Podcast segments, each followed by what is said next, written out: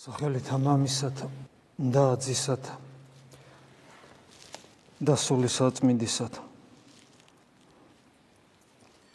დღევანდელი სახარებისეული სიუჟეტი გვახსენებს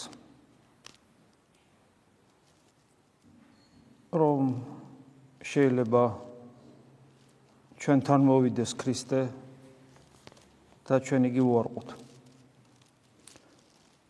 შეიძლება ჩვენ გულს შეეხოს რეკოს ჩვენს გულზე როგორც იგივე აკაკუნოს როგორც წმინდა წერიში კითხულობთ. და ჩვენ იგი ვერ ვიცნოთ როგორ შეიძლება ეს? ღმერთმა ხო იმისთვის შექმნა ადამიანები რომ ჩვენი მისი შვილები გავხდეთ ქრისტიანული დოქტრინა, რომელსაც ჩვენ ვაღიარებთ და თუ არ ვაღიარებთ, აბა აქ რა გვინდა? ქრისტიანული დოქტრინა, რომელსაც ჩვენ ვაღიარებთ და თუ არ ვაღიარებთ, ვიმეორებ, აბა აქ რა გვინდა? ხო გვეუბნება, რომ ჩვენ მთელი სამყარო ეს დიადი სამყარო შექმნა ჩვენთვის. ფოტოშორის ჩვენ როცა ამას ვამბობთ და ამას არ ვამბობთ ეხლა. ამას ვამბობთ 2000 წელია. და ეს ჩვენი ღირსება, ეს ჩვენი ღირებულება. ხო, მთელი სამყარო შექმნილია ჩვენთვის. გორწმუნო ადამიანები ყვდებიან სიცილით ამის გამო. და ეს ეხლა არ ხდება. ამგვარი ღვთის გმობა, ამგვარი ათეიზმი დღეს არ არსებობს ხოლოდ. პირველივე საუკუნიდან დიახაც, პირველივე საუკუნიდან დაგცინოდნენ, როცა ჩვენ ვამბობდით, რომ ღმერთმა სამყარო ჩვენთვის შექმნა და მე ჩვენს გადასარჩენად მოვიდა, იმიტომ რომ ჩვენ რაღაც ისე არ გავაკეთეთ. ვისაც ეს არ ჯერა, ის ქრისტიანი არ არის. ხოლო ვისაც ასე გჯერა და ასე ვფიქრობთ, მაშინ კითხვა უნდა დავსვათ, რომ როგორ ხდება ისე, რომ ღმერთმა მთელი სამყარო ჩემთვის შექმნა მე რომ ისი არ მოვიქეცი როგორც საჭირო იყო და დაღუპის გზაზე დავდექი. ადამიანად მოვიდა. და მოვიდა არა უბრალოდ არამედ ჩემთვის იტანჯა და მოკვდა. ჩემთვის ეკლესია დაარსა რომელსაც დღემდე ინახავს და მიუხედავად ჩვენი უღმრთობისა ეკლესიის გარეთ თუ ეკლესიის შიგნით ეკლესია მაინც არსებობს და ბოლომდე იარსებობს ანამს ეს სამყარო იქნება როგორ ხდება რომ ღმერთი რომელიც ყოვლის შემძლეა და სურს რომ თავი დამანახოს და ჩემს გულს შეეხოს როგორ ხდება რომ ის ჩვენთან რომ მოდის და ჩვენს გულს რომ ეხება ჩვენ მას ვერ ვცნობთ ჩვენ მას ვერ ვგზნობთ. ჩვენ მას ვუარყოფთ. რანერად ხდება ეს? დღევანდელ сахарებისელ სიუჟეტში ის ეშმაკეული ღადარინელები რომლებიც უფალმა გაანკურნა ბუნებრივია რომ დაინტერესებული იყვნენ რა მოხდა რა მოხდა ისეთი როდესაც ეს განუკურნებელი ეშმაკეულები უცებ ზის გამშვიდებულები და იქ აღწერილია ერთი მათგანი როგორც ზის შვიდად მაცხოვრის ფეხერთან. ჯერ ერთი უნდა თანაგზნობის თვალსაზრისით გახარებოდათ. მე დაენახათ ეგზნოთ რომ მათ წინაშე ჩაოლებრივი ადამიანი არ არის. მათ იგზნეს რომ მათ წინაშე ჩაოლებრივი ადამიანი არ არის. მათ წინაშე დგას ის, ვისაც ხელმწიფება აქვს ბოროტსულებზე. და ისინი წებენ ლოცვას. ღადარინელები წებენ ლოცვას. და ევედრებიან ეს წერი, ევედრებიან. ვედრება, ეს არის ლოცვა. როცა ქრისტეს ვედრებით მიმართავ, ეს არის ლოცვა და მათი ლოცვა ესე ჟღერს წადი ჩვენგან. თავი დაგვარნება. გასაგებია რომ როგორც წესი ადამიანი ამგვარად არ ლოცულობს ამ სიტყვებით, მაგრამ ძალიან ბევრნაირად შეიძლება ადამიანს კონდეს გული სიტყვები იმგვარი რომ ამგვარად არ ჟღერდეს, მაგრამ ამას გულისხმობდეს. და ამას ავლენდეს საკუთარი ცხოვრების წესით. და მათ შორის არა მხოლოდ ისინი, ვინც ეკლესიის გარეთ არიან და ვერაფრით ვერ გახდა მათი მოქცევა და მოტრიალება, არამედ ის ადამიანების, რომლებიც ეკლესიის შიგნით არიან და ვერაფრით და ვერ გახდა მათი გაქრისტიანება. ჩვენ გვეხება ეს.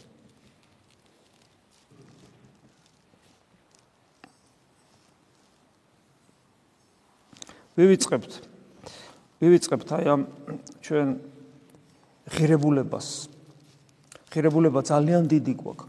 აი, ოდესაც ერთ-ერთი მღვდელი იყო, რომელიც საბჭოე საბჭოეთის აი ამ უღმერთო ხელისუფლებამ ფაქტობრივად მოკლა ფლორენსკი გვარად პავლე თუ გიორგი პავლე ეს იყო უგანათლებულესი ადამიანი ძალიან საინტერესო ძალიან პროგრესულად მოაზროვნე და კარგი მღვდელი. და ის საბოლოო ჯამში გადაასახლეს და გადასახლებაში სადღაც მოკვდა. მისი ცოლშვილი ევროპაში იყო ემიგრაციაში. და ის ის თავის შვილს წერილს წერს და იმ წერილში ესეთი სიტყვებია როდესაც ძალიან გაგიჭირდება და ცხოვრებისეული წნეხით წნეხის გამო უიმედობაში აღმოჩნდები ღამე გადი გარე და ვარსკვლავებიან ცას შეხედ. ანუ ამით ეუბნება რომ კი შენ გაგიჭირდა ძალიან მაგრამ აი ახედე სამყაროს რომელიც ცოტათი ჩანს ჩვენ ვარსკვლავებიან ცას უყურებთ ჩვენი galaktikis რაღაც უმცირეს სექტორს ხედავთ უმნიშვნელოს. თანაც მარტო ჩვენი galaktikis და წარმოვიდგინეთ ტრილიონობით galaktikები ესეთი და აი ამ ცირედი ხილვითაც კი ადამიანი აღმოჩნდება იმ სიდიადის წინაშე, რომელიც შენთვის მე რო ავხედავ და დავინახავ, გავიხსენო რომ თეოდორე ეს ყველაფერი ღმერთმა შენთვის შექმნა. როგორც არ უნდა ცინიკურად ცინიზმის ახსავს რეაქციები ქონდეთ ამაზე ურწმუნოებს, არა ქრისტიანებს, ჩვენ ხო ეს ვიცით. და როგორ უნდა დამოვიწყდეს მე ღმერთი, რომელმაც ეს ყველაფერი გააკეთა?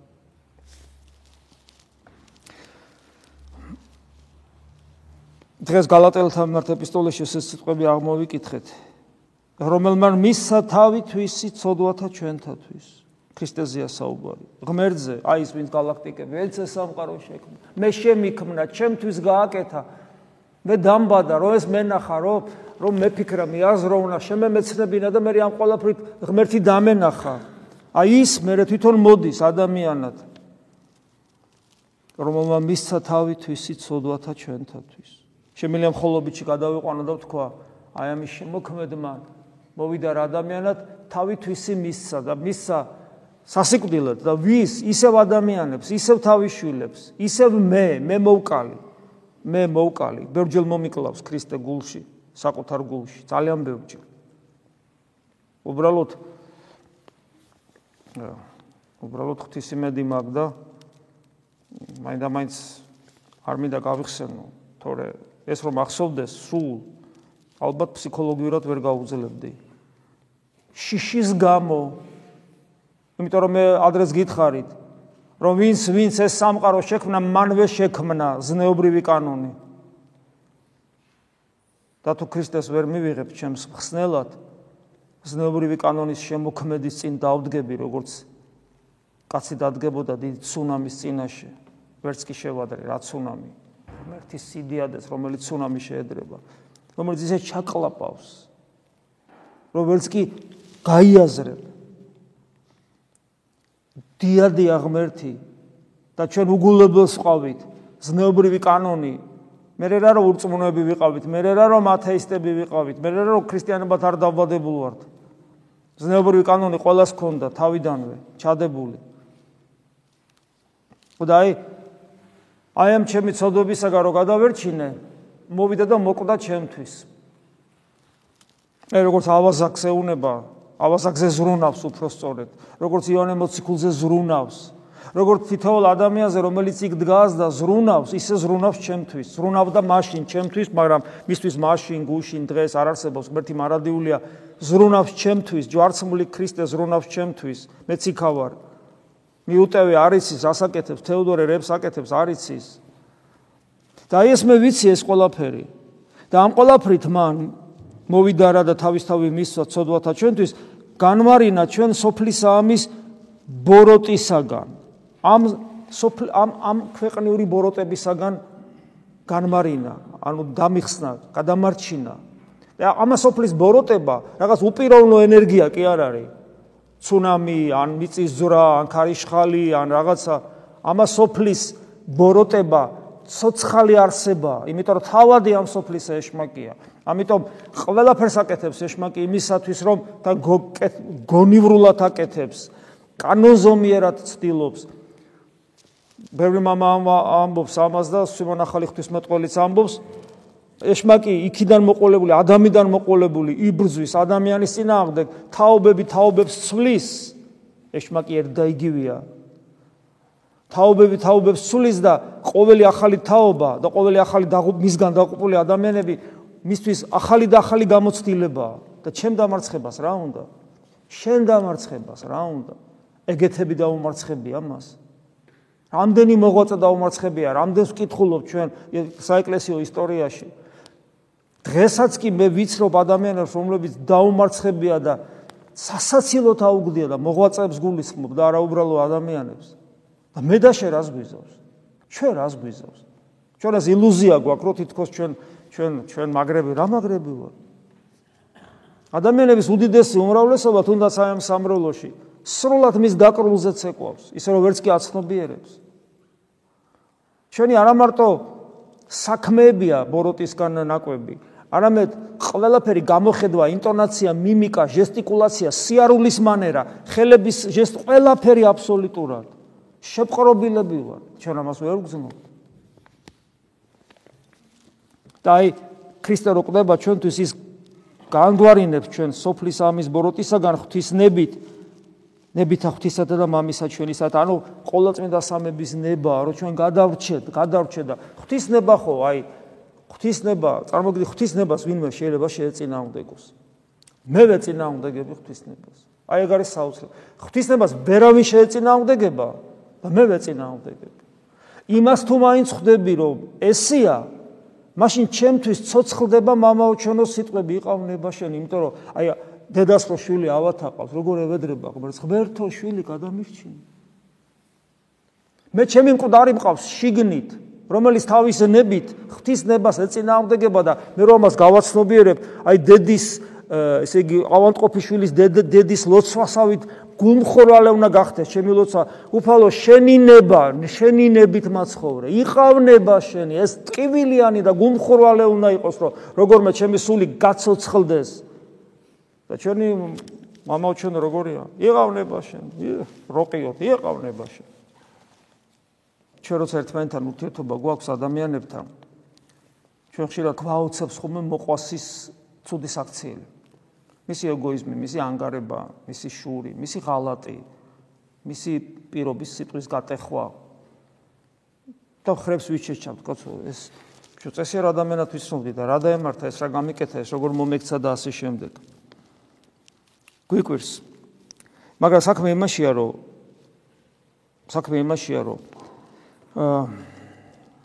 ადამიანი ჭურჭელია. იქ იგი რაღაცით არის ავსე. და თუ ქრისტეს სულით არ არის სავსე, აი გასოთ პავლე მოციქულის სიტყვები, ვისაც სული ქრისტესი არ აქვს, იგი არ არის მისი. აბა ვისია? დემონური სულის არის. იმიტომ რომ ეშმაკი ხო ვიცით ეს პროჯელ გვითხოვს, ქრისტე გვეუბნება თვითონ, რომ ეშმაკი საკუთარ სახლად გვთვლის. როგორ შეიძლება ეშმაკმა საკუთარ სახლად ჩაგვთვალოს, როდესაც ჩემში ყოვლის შემძლე ღმერთი იქნება? წარმოგიდგენიათ, როგორ გაბედავს ის ის დღევანდელი ეშმაკეულების ხო გახსოვს? რატომ მოხვედი, ესე იგი ადრე რატომ იმათ ეგონათ რომ უკვე დამთავრდა სამყაროს აღსასრულია და ჯოჯოხეთში მიდიან და რატომ მოხვედი დროზე ადრე, რატო ჩვენ სატანჯველად ეშმაკი ძრწის? ქრისტეს სახელის გაგონებაზეც ძრწის ეშმაკი.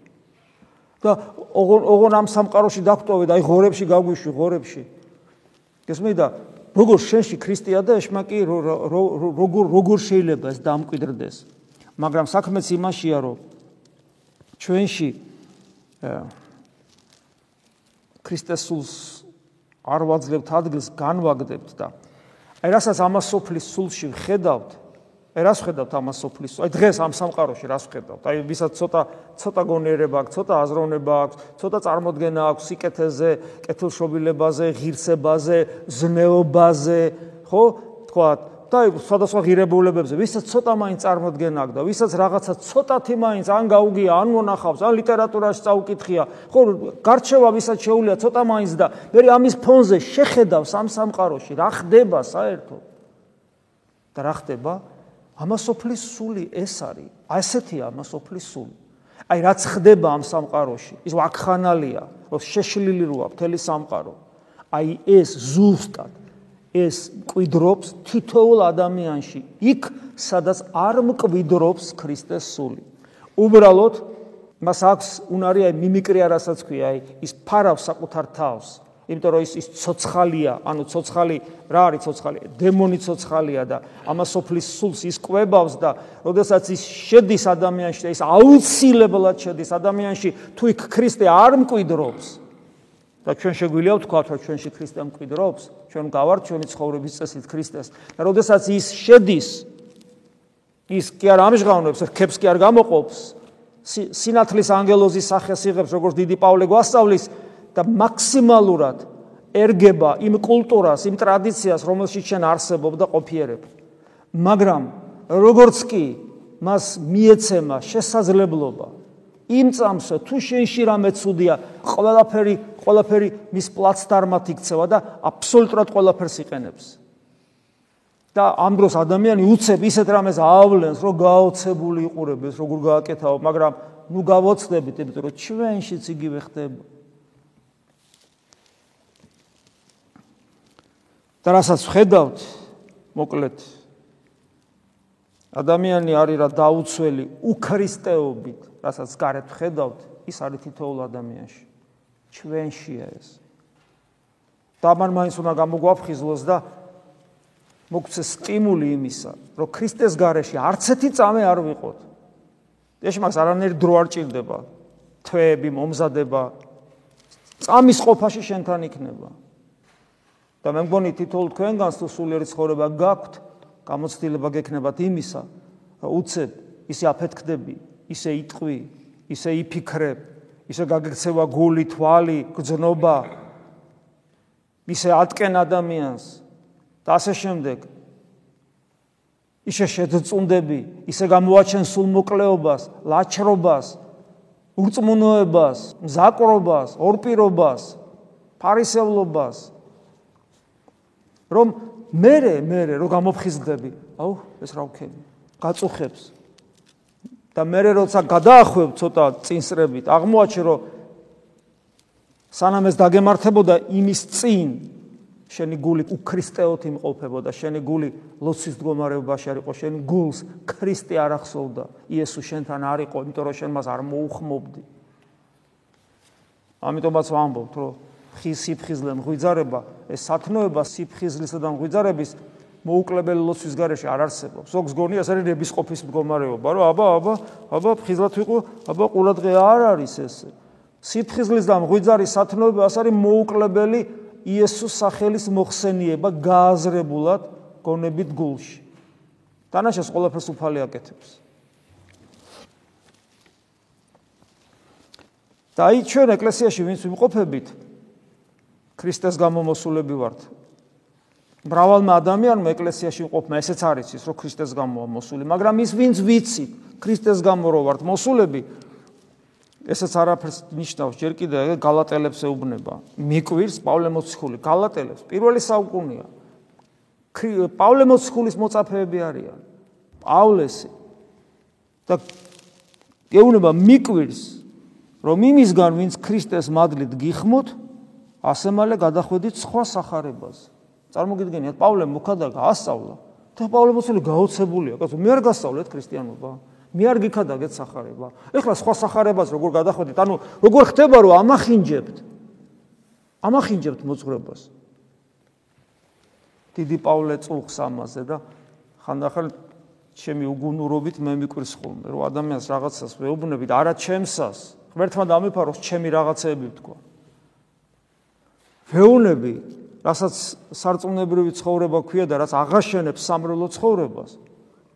ადამიანი სხვა რამეს ფიქრობს და სხვა რამეს იმას კი არა შემოქმედებითად კი არა ანვითარებს მიღებულ ცოდნას თავის თავში, არამედ საწინააღმდეგოს ფიქრობს. საწინააღმდეგოს ფიქრობს, რასაც ასწავლით. და მე მოდის და ეზიარება, ისე რომ თვალსაც არ ახამხამებს, სინდისიც არ აწუხებს. იუდა მეტი კი არაფერი არ გააკეთა. გულწრფელები უნდა ვიყოთ. არიღებ რაღაცას, ხო? სწავლებ მოძღრობით საკითხს გულისხმობ. მოძღრებას გულისხმობ, დოქტრინას გულისხმობ, როგორ ცხონდეთ, ამას გულისხმობ, როგორ ვიცხოვროთ პრაქტიკულ ხარეს, ამას გულისხმობ, რა გზას დავადგეთ, რომ ქრისტე ვიპოვოთ, ამას გულისხმობ. როცა ადამიანი ისმენს ამას და შინაგანად ეწინააღმდეგება და მას ეს არ სურს, მაშინ რატო უნდა დარჩეს და რატო უნდა ეზიარებოდეს აქ? ის ხო საკრობის ორგულობის ცოდვაში იმყოფება და რას მიიღებს და ვერც იღებენ ესე დროს ადამიანები. ხდაი, მაგრამ რატო უნდა გვიკვირდეს ეს, როდესაც აგერა გალატელებს ქრისტეს მადლით გიხმოთ, ვინც მიკვირს რომ იმისგან ვინც ქრისტე, ანუ მე თავის თავზე ამბობს, მე ესე იგი გიქადაგეთ ქრისტეს მადლით მოგიწოდეთ და სხვა სახარებაზე გადახვედით. მაგრამ არ არსებობს სხვა სახარება პავლე მოციქულეონები. არიან მხოლოდ ზოგიერთი რომლებიც გამღრევენ და ცდილობენ შერყნან ქრისტეს სახარება. როგორ ხშირად ყოფილა ხოლმე თუნდაც ამ სამრევლოში.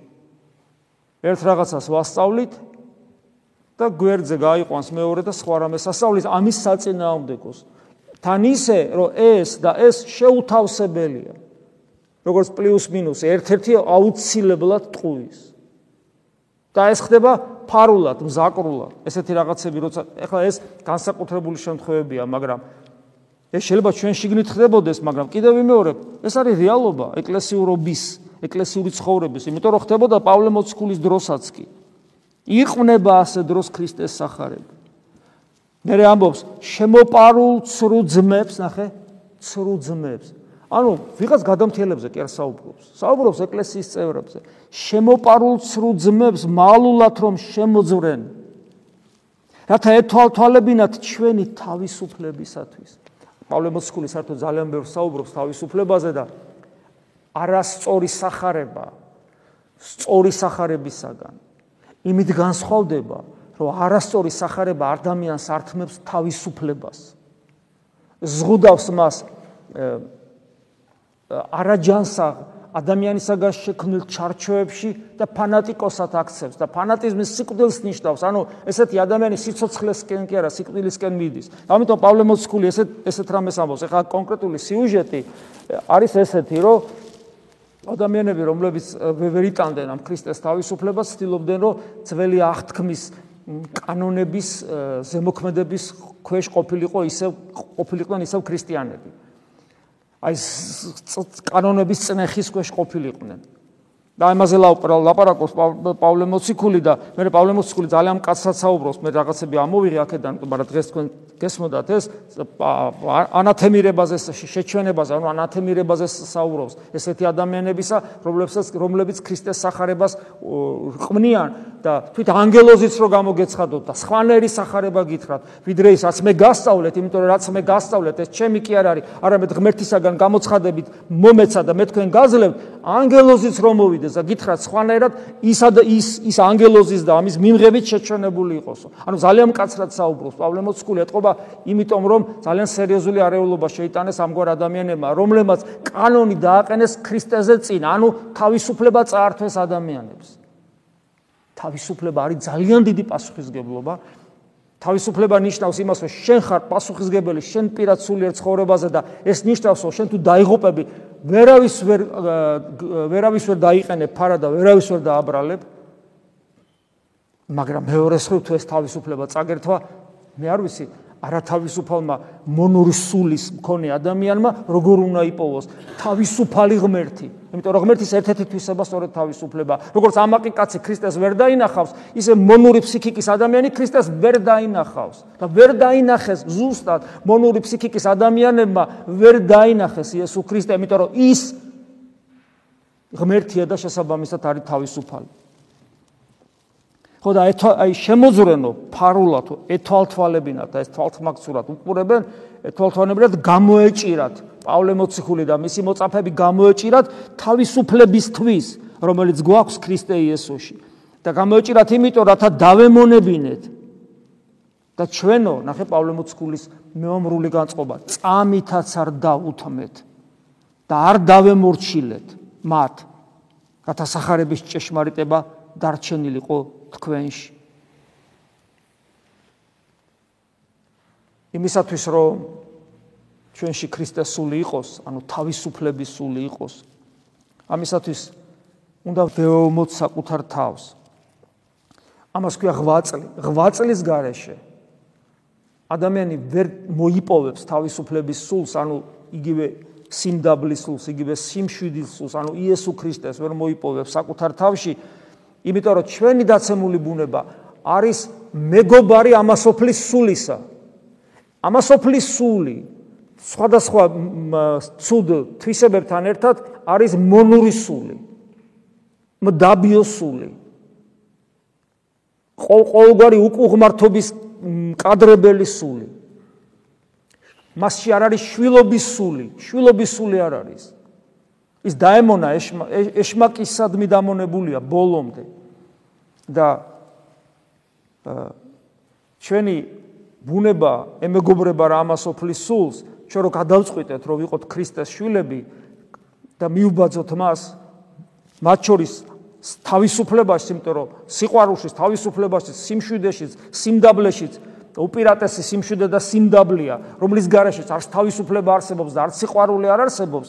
როდესაც აი ეს გადაწყვეტილება მივიღეთ, ჩვენ გვიწევს ბძოლა საკუთარ თავთან, და ეს ნიშნავს რომ ჩვენ ვიწყებთ ომს. შეუდგები ქრისტესა, შეუდგები მანამდე ფუი ეშმაკს, შეუდგები ქრისტეს, ხოლო ქრისტე ამბობს მე თუ მდევნეს თქვენს გდევნიან და ეს დევნა პირველ რიგში ამას ოფლის სულის მიერ ხდება, რომელიც შემოღწეულია ჩვენში და ჩვენივე თავით გვებრძვის, ჩვენი უძლურებებით, ჩვენი სიზარმაცით, ჩვენი ეგოიზმით, ჩვენი ანგარებით, ჩვენი მზაკრობით და ასე შემდეგ, უსიყვარულობით.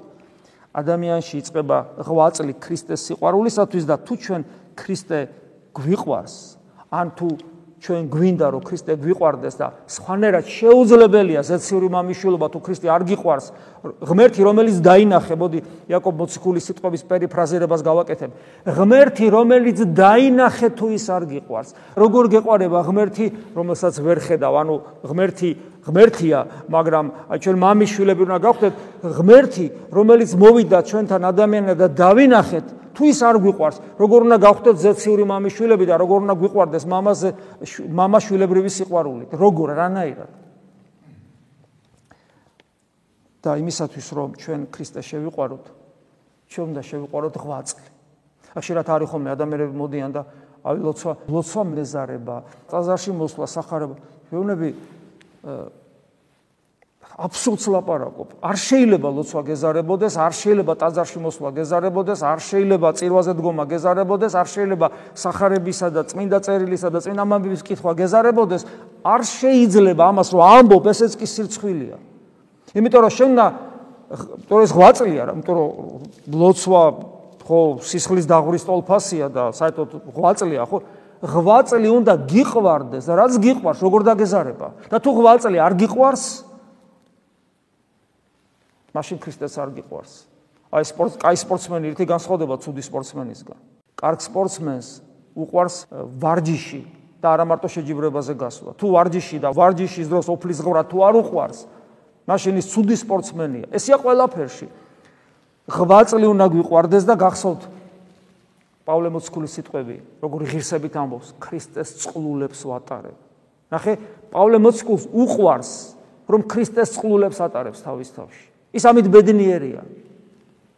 და ჩვენ თუ არ გვეყარება ღვაწლი და ღვაწლია მძიმე, გონების მიერ ლოცვა, საშნელი ღვაწლია. ჩვენ თუ არ გვეყარება ღვაწლი, მაშინ ჩვენ ქრისტეს სიყვარულს ვერასოდეს შევძლებთ. იმიტომ რომ ღვაწლი ეს არის ქრისტეს მიმდევრობა. შეუდგები ქრისტესა, შეუდგები და ეს შედგომა იწება ნიშნავს ღვაწლს.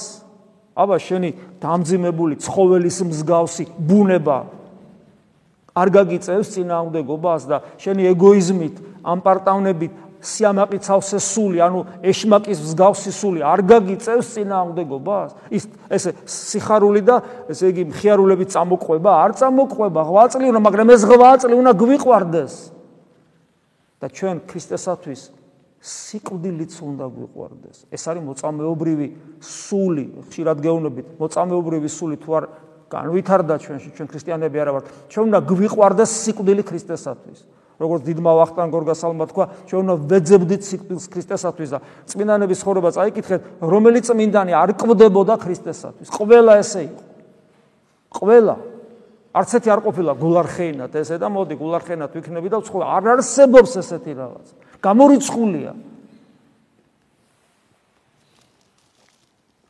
და რა თქმა უნდა, ეს უპირველეს ყოვლისა ვლინდება იმ ღვაწლში, რომელსაც ლოცვა ქვია და ლოცვა უნდა იქცეს აი ხშირად ვამბობთ გრიგორი ღვთისმეტყველის სიტყვას. სუნთქვაზე უფრო ხშირესი უნდა იყოს. რა რატო რატო ადარებს სუნთქვას? იმიტომ რომ სუნთქვის გარეშე ადამიანი არ ცხოვრობს. სუნთქვა როგორ სუნთქავს ადამიანი? ეს არის უპირობო რეფლექსი. უპირობო რეფლექსი. ანუ მას პირობა არ აქვს. ადამიანი არის არის სუნთქვა. უპირობო რეფლექსი სხვაცა აქვს ადამიანს ვთქვათ კუჭის წვენის გამოყოფა იქნება თუ თვალის ცრემლი იქნება თუ რაღაცები რაც მუშაობს. ჩვენგან დამოუკიდებლად ჩვენ რო ვიბადებით ეს რეფლექსები არსებობს. იესოს ლოცვა ანუ შინაგანი ლოცვა უპირობო რეფლექსად უნდა იქცეს ჩვენში. ჩვენ არ უნდა ვარცებობდეთ იესოს ლოცვის გარეშე. ეს ეს მხოლოდ და მხოლოდ მხოლოდ და მხოლოდ ღვაწლით მიიღწევა. სხვანაირად არ შეიძლება ეს სხვანაირად არ გამოვა ეს, იმიტომ რომ თელი ჩვენი არსება ეწინააღმდეგება ქრისტეს. თელი ჩვენი არსება ეწინააღმდეგება ქრისტეს.